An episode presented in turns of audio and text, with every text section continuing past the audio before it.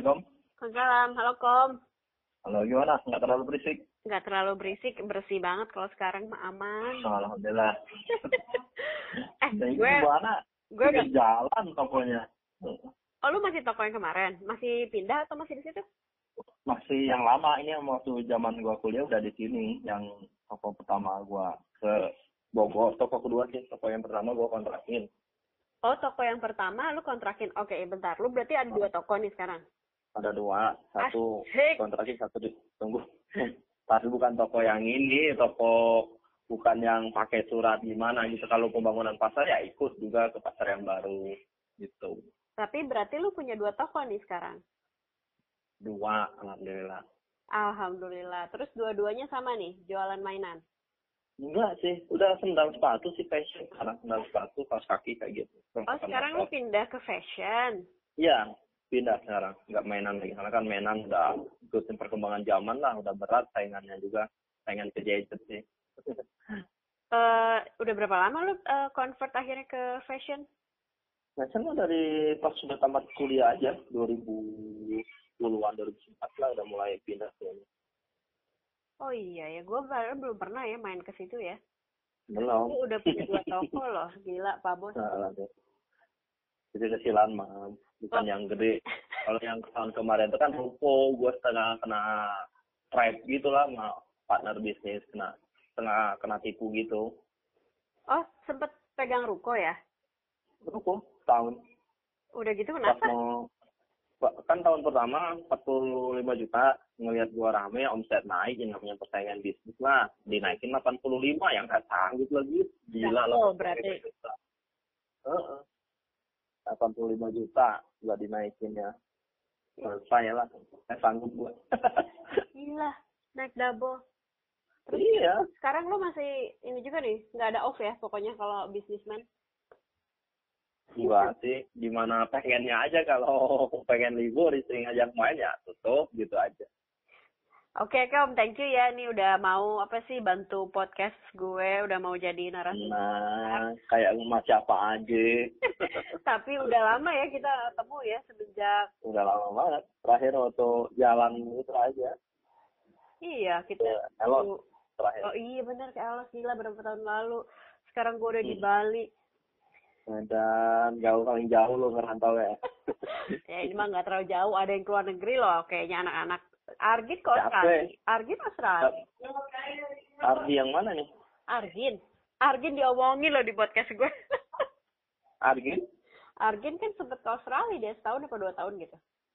Argin bukannya dia pegawai negeri kok Iya terus dia pulang jadi anak imigrasi sekarang. oh, oh, Wah gue mesti cari tahu juga tuh kontak dia. oh, oh.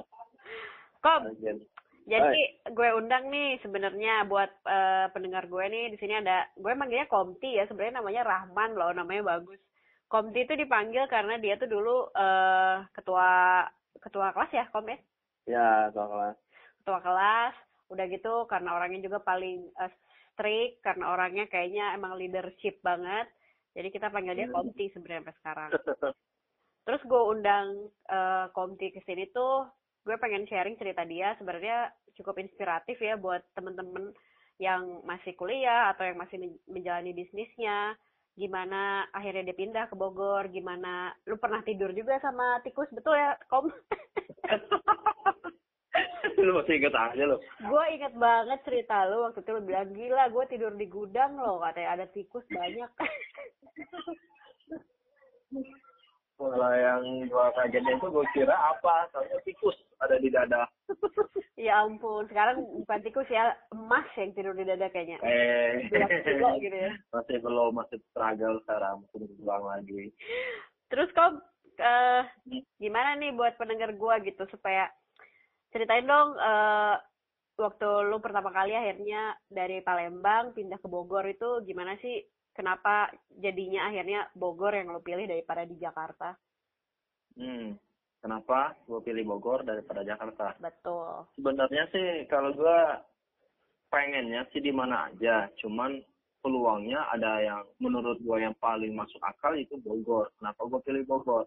Karena kalau ke Jakarta buat kita buka usaha baru itu lebih besar eh, modalnya istilahnya itu kan harus bawa uang yang banyak atau minimal kita punya link yang bagus. Nah, tapi kalau di Bogor kita istilahnya tuh dengan modal keyakinan dan tekad dan agak sedikit kita gimana ya, bisa bilangnya itu harus benar-benar kita mindsetin pikiran kita buat fokus ke tujuan kita. Itu aja sih kenapa gue pilih Bogor. Dan Bogor ini nggak pernah tepi setelah di Bogor putaran duitnya putaran, putaran uangnya menurut data resminya dari tahun dulu saya pernah lihat juga eh, Sabtu Minggu kan apalagi gue stay-nya di puncak kan jadi Sabtu Minggu itu putaran duitnya sekitar 1 sampai 2 miliar. Kenapa gue pilih puncak? Karena itu tempat pariwisata dan nggak ada matinya kalau buat bisnis. Mm.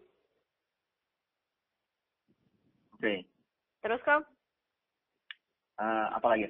Oh, jadi makanya akhirnya lo memutuskan pilih Bogor tuh Jakarta lebih banyak ya itunya ya ongkosnya dan lain-lain ya. Ongkosnya oh, dan biaya hidup. Dan uh, fee-nya juga. Uh, uh. Tapi selain di... selain Bogor ada ada kota lain nggak sih yang sebenarnya lo jadi tujuan atau lo emang udah oh, kayaknya gue emang harus di Bogor atau lo sama sekali nggak punya siapa-siapa waktu ke Bogor? Nah, gini Lan. Jadi hampir seluruh kota itu pernah gue singgahin kan. Kayak hmm. Bandung pernah dicoba. Terus Jakarta juga bukan nggak dicoba, udah dicoba.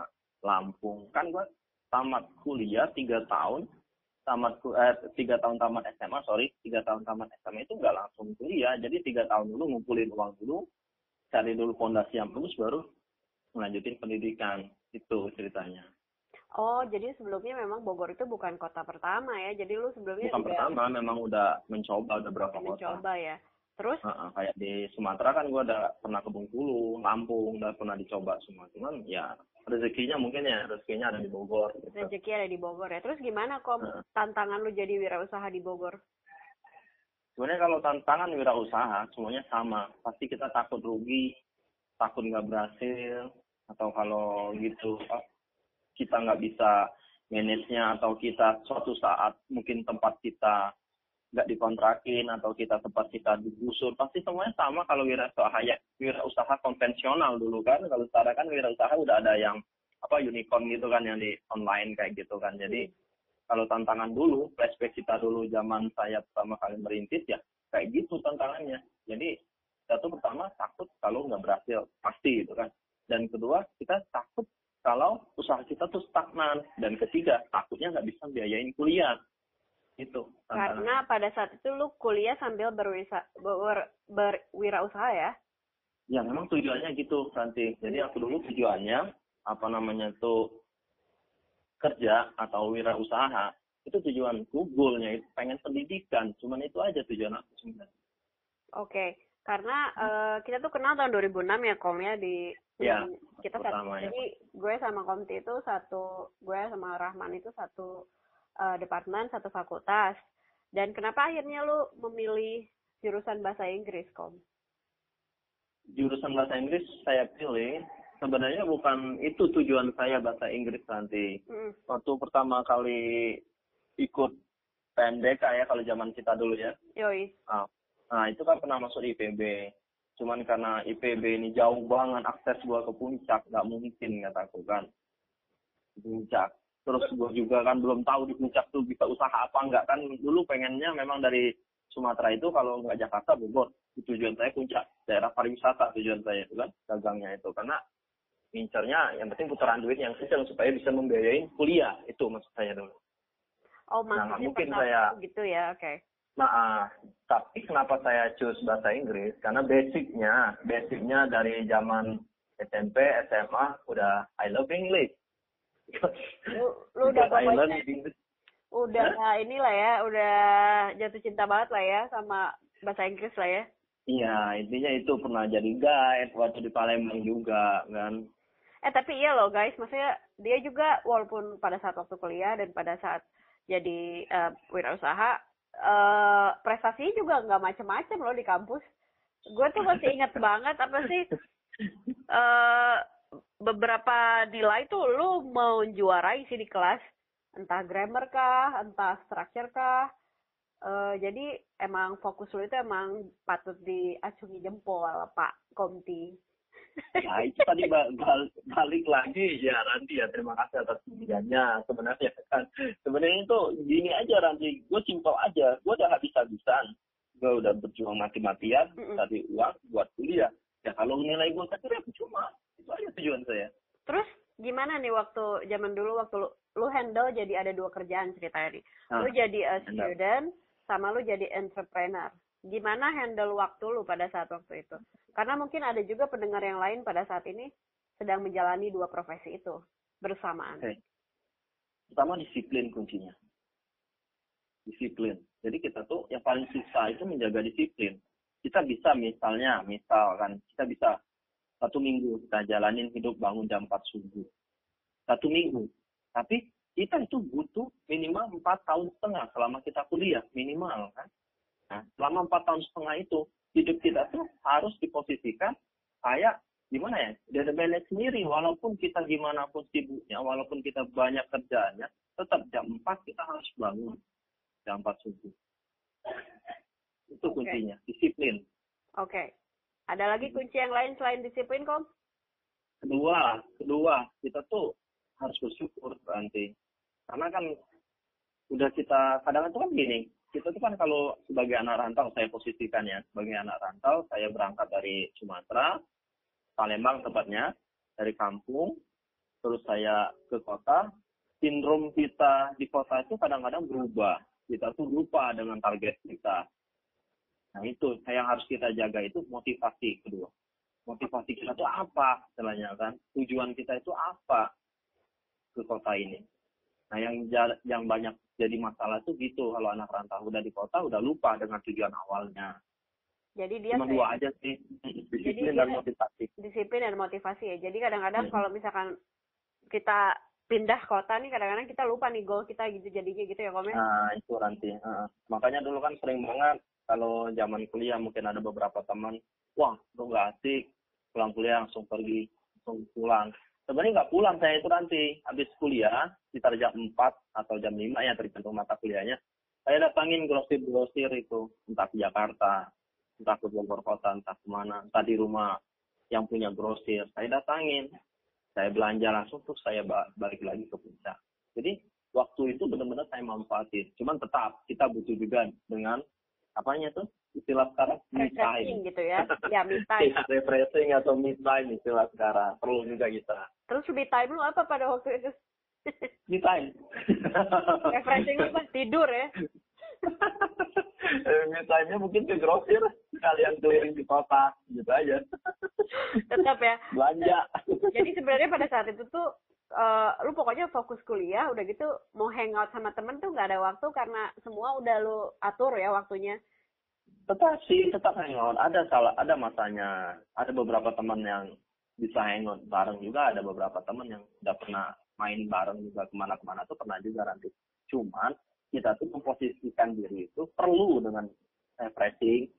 Tapi jangan terlalu banyak refreshing. Jadi tetap kita fokus awal kita ya tetap pendidikan. Karena kita so far from my hometown. Nggak mungkin kita nyia-nyiain kesempatan loh istilahnya kan? Kesempatan itu cuma sekali datang. Kalau kita sia-siain belum tentu kita dapat kesempatan yang sama. Betul, dan gue inget juga lu borong semua keluarga lu pada saat wisuda ya kok. ya. Kata istilahnya tuh keluarga sidul lu borong semuanya, gue yang wah gila nih temen gue keren banget emang. Terus eh pada saat hal paling berat apa nih kom yang lu alamin saat jadi wirausaha dan jadi anak kuliah juga? hal paling berat Ya, hal paling berat itu pas dagangannya lagi down lagi sepi pas mau uas oh lu pernah harus bayar ya? Iya, jadi nanti aku dari semester awal kuliah, walaupun pernah beberapa kali dapat beasiswa sampai dekan, sampai prodi juga bingung duit tuh yang dapat beasiswa lu kemanain? Gue bilang buat pakai modal dulu, bu, pak. jadi saya itu terkenal mahasiswa matrai kata TU. Ini mahasiswa matrai nih. Awal kuliah langsung ngajuin matrai. Jadi saya bayar pas mau uas besok, baru bayar hari ini. Oh, terus terus ya itu kadang-kadang itu gue jadi dilema sendiri pas gua kadang tuh udah belanja buat dagang ke bazar juga dulu ya bukan ke pasar aja. Jadi ikut ikut apa acara-acara bazar yang ada di puncak atau di Bogor kota atau di daerah Sukabumi atau di daerah Garut dulu kan. Hah? jadi pas saya dagang kan kita tuh namanya kondisi ekonomi kan kita nggak tahu. Pas dagang kita pas hujan gede kan itu nggak ada yang belanja. Kan pas besoknya mau ujian. Ya udah saya langsung bikin lagi permohonan kedua. Bu maaf. Saya bilang kan ke almarhum Bu Tari dulu kalau nggak salah. Oh, Bu Tari maaf saya nggak bisa ikut ujian bu. Atau bu ini lagi di Garut. Padahal ada di Bogor itu kan. Oke. saya ikut bazar. Saya akan saya jadi agak bermain tricky sedikit kan. Jadi gue bilang saya lagi di luar kota. Padahal saya ada di Bogor itu karena saya nggak ada dulu bayarnya itu nanti Gila, gue gak tahu loh posisi lu pada saat itu. Dan ini juga Jadi- gue dapet beasiswa.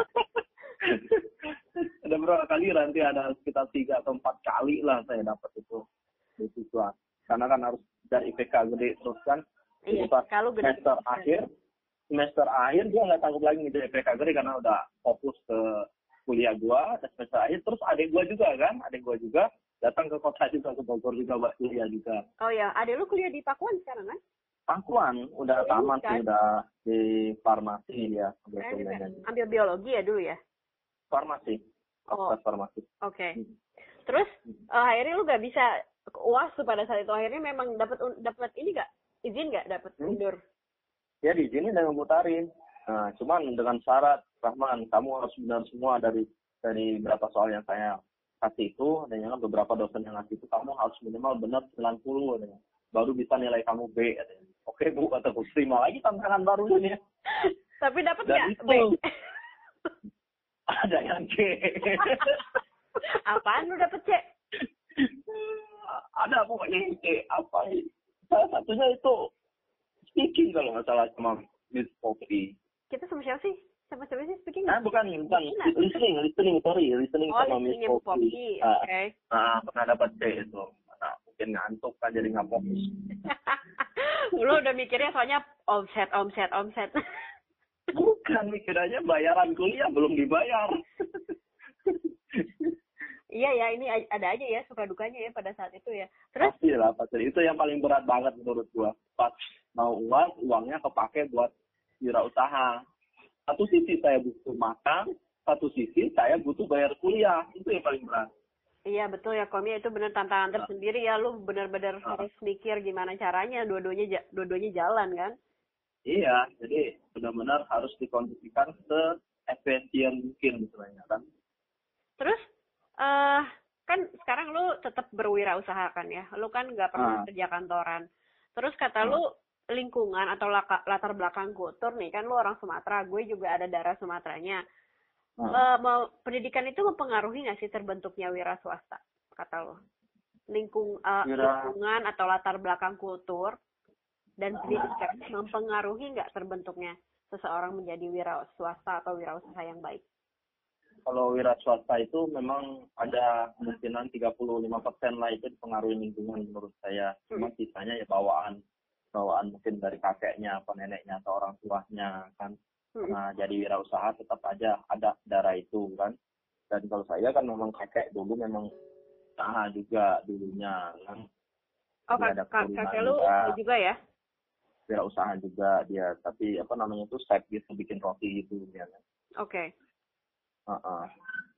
Terus 35% ya pergaulan karena kan dulu waktu di Sumatera kebetulan tetap ya apa namanya Chinese-nya Indonesia itu suku Minang kan. Saya juga terima kasih dengan suku Minang kan. Oke. Karena saya dulu gaul. Iya benar sorry. Betul, betul. Iya, betul. Iya, gennya wirausaha Indonesia itu istilahnya tuh kan tetap dari suku Minang menurut gua. Dan gua eh, respect banget sama teman-teman Minang yang dulu. Mereka itu kan teman-teman nongkrong, teman-teman main bola atau futsal, atau teman-teman bela diri kan. Habis mereka latihan itu, mereka selalu mengajak saya, yuk main ke kota saya, main ke warung saya. Apa saya main sana kan ngobrol-ngobrol. Kamu ngapain aja setelah sekolah? Ya paling saya gitu, setelah sekolah mau belajar, terus olahraga gitu aja kenapa nggak nyoba usaha itu kejadian itu waktu SMP ingat banget SMP itu sekitar tahun 98an sekitar 98 99 lah tahun 2000 tamat SMP kan 2004 tamat SMA gitu lah nah itu dari teman nongkrong nongkrong itu kan Koneksi ya, networking juga ya, Ya. Ya. ya uh, uh, tetap aja sih kita dipengaruhi juga sama lingkungan 35% saya bilang gitu Terus sisanya? Sebenarnya ya tekad kita aja intinya gitu. Kita kan dengan wirausaha satu. Kita dengan wirausaha tuh bisa melakukan kegiatan apa pun. Nah kayak sekarang nih, mungkin nanti belum tahu juga, saya juga udah aktif banget di dunia pendidikan juga nanti udah Iya, itu juga bo- aja. boleh dong ceritain lagi ceritain sedikit Ah, itu selain selain lima tahun, lima tahun saya ngajar, terus pegang bimbel juga, sempat pegang anak Regina Pecis. Regina Pecis itu hampir tiga tahun, empat tahun, dan yang satu udah kuliah di Australia, murid saya. lu sempet pegang anak Regina Pasis. Gile, Iya, bimbel. Ngajar- Anak-anak Chinese gitu. ngajar mat ya? Ngajar apa lo? Inggris karena mereka pengen fluently banget mau belajar Inggrisnya juga ya dia tuh didik bahasa Inggrisnya tuh dari anak TK Gila. Gua aja belum Oh. pernah ngajar anak RP loh. Regina Pecis sama anak satuan itu empat tahunan nanti baru finish sebelum covid ini kan sebelum covid dia ngomong kan orang tuanya nggak mungkin terusin katanya kan. Makanya sekarang belajarnya juga di rumah oke kita paham juga kita menghargai juga kan ya. Ya, berarti lumayan ya lu apa sih eh major lu pendidikan bahasa Inggris masih lu pakai sebenarnya ya sampai Masih- lima masih tahun banget. belak- ya, belakangan. Terus dan eh, ngajar juga? juga di sekolah umum juga nanti sekarang ngajar semua subjek atau bahasa Inggris toh? bahasa Inggris aja di sekolah umum di SMK SMK Mirtau juga di daerah puncak juga Masih?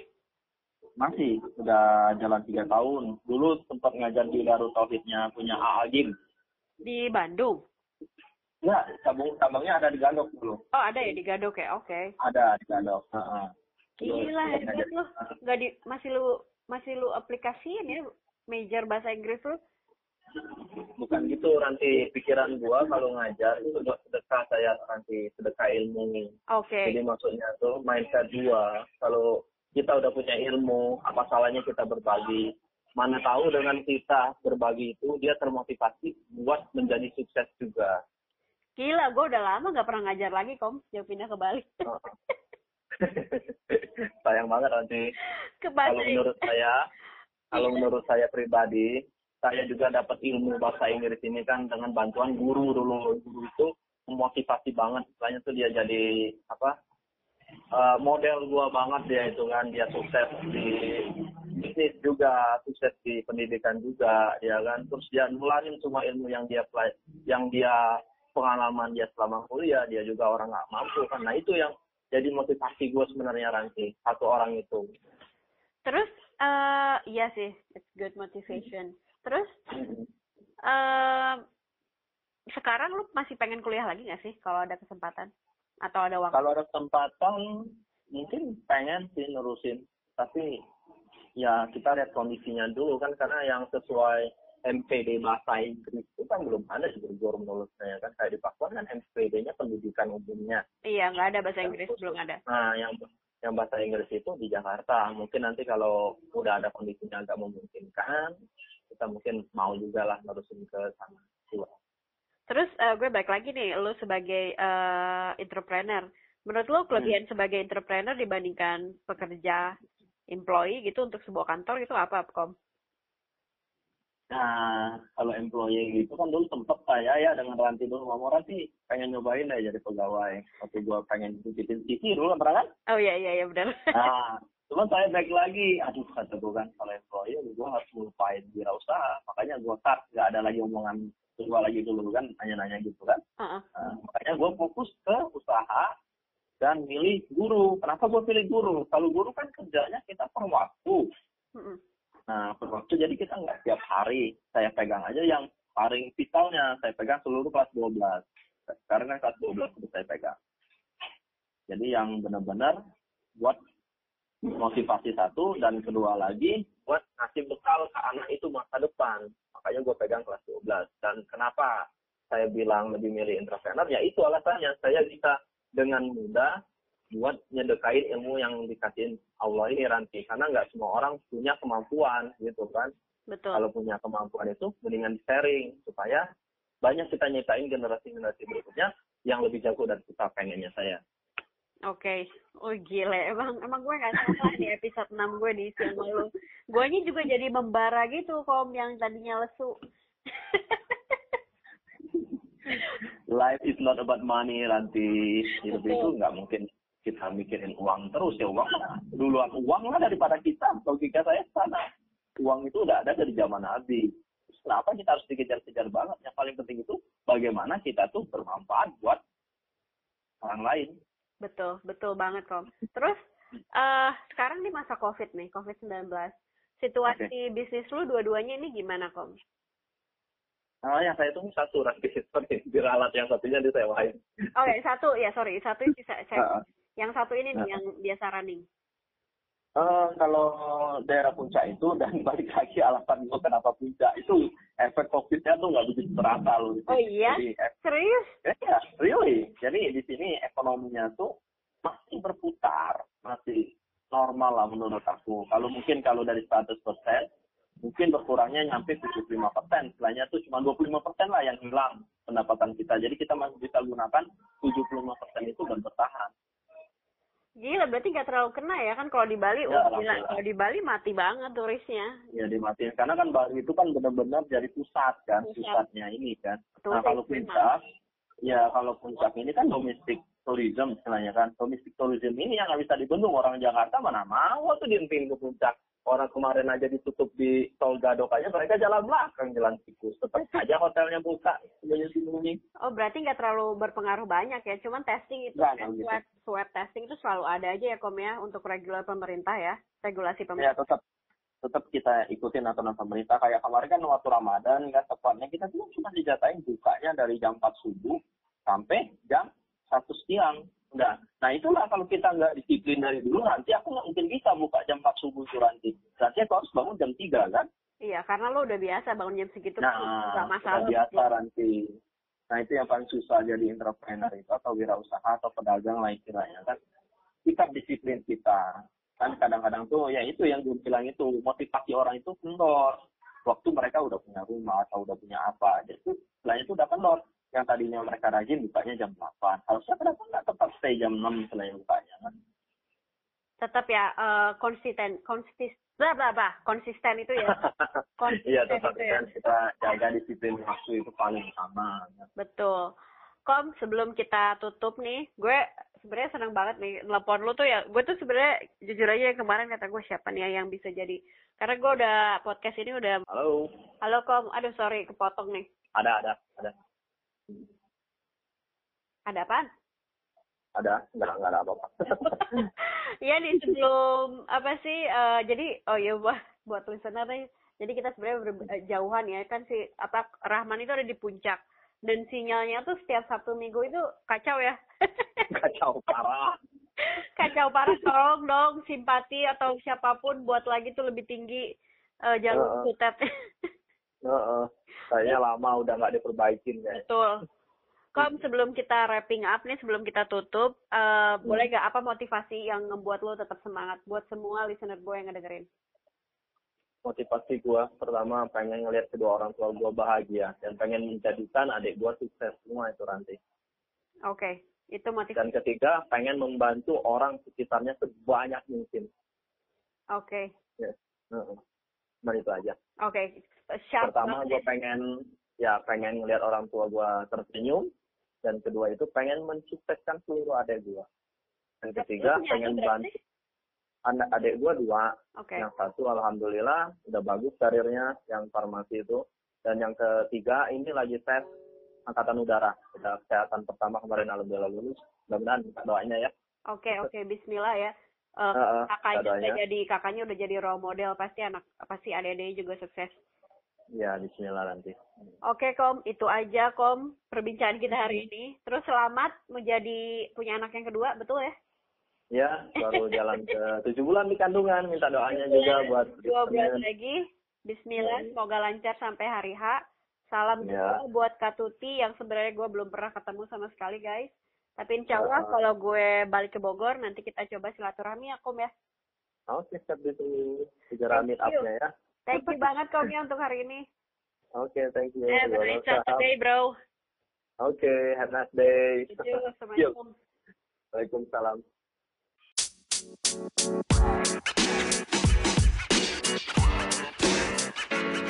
know, man. You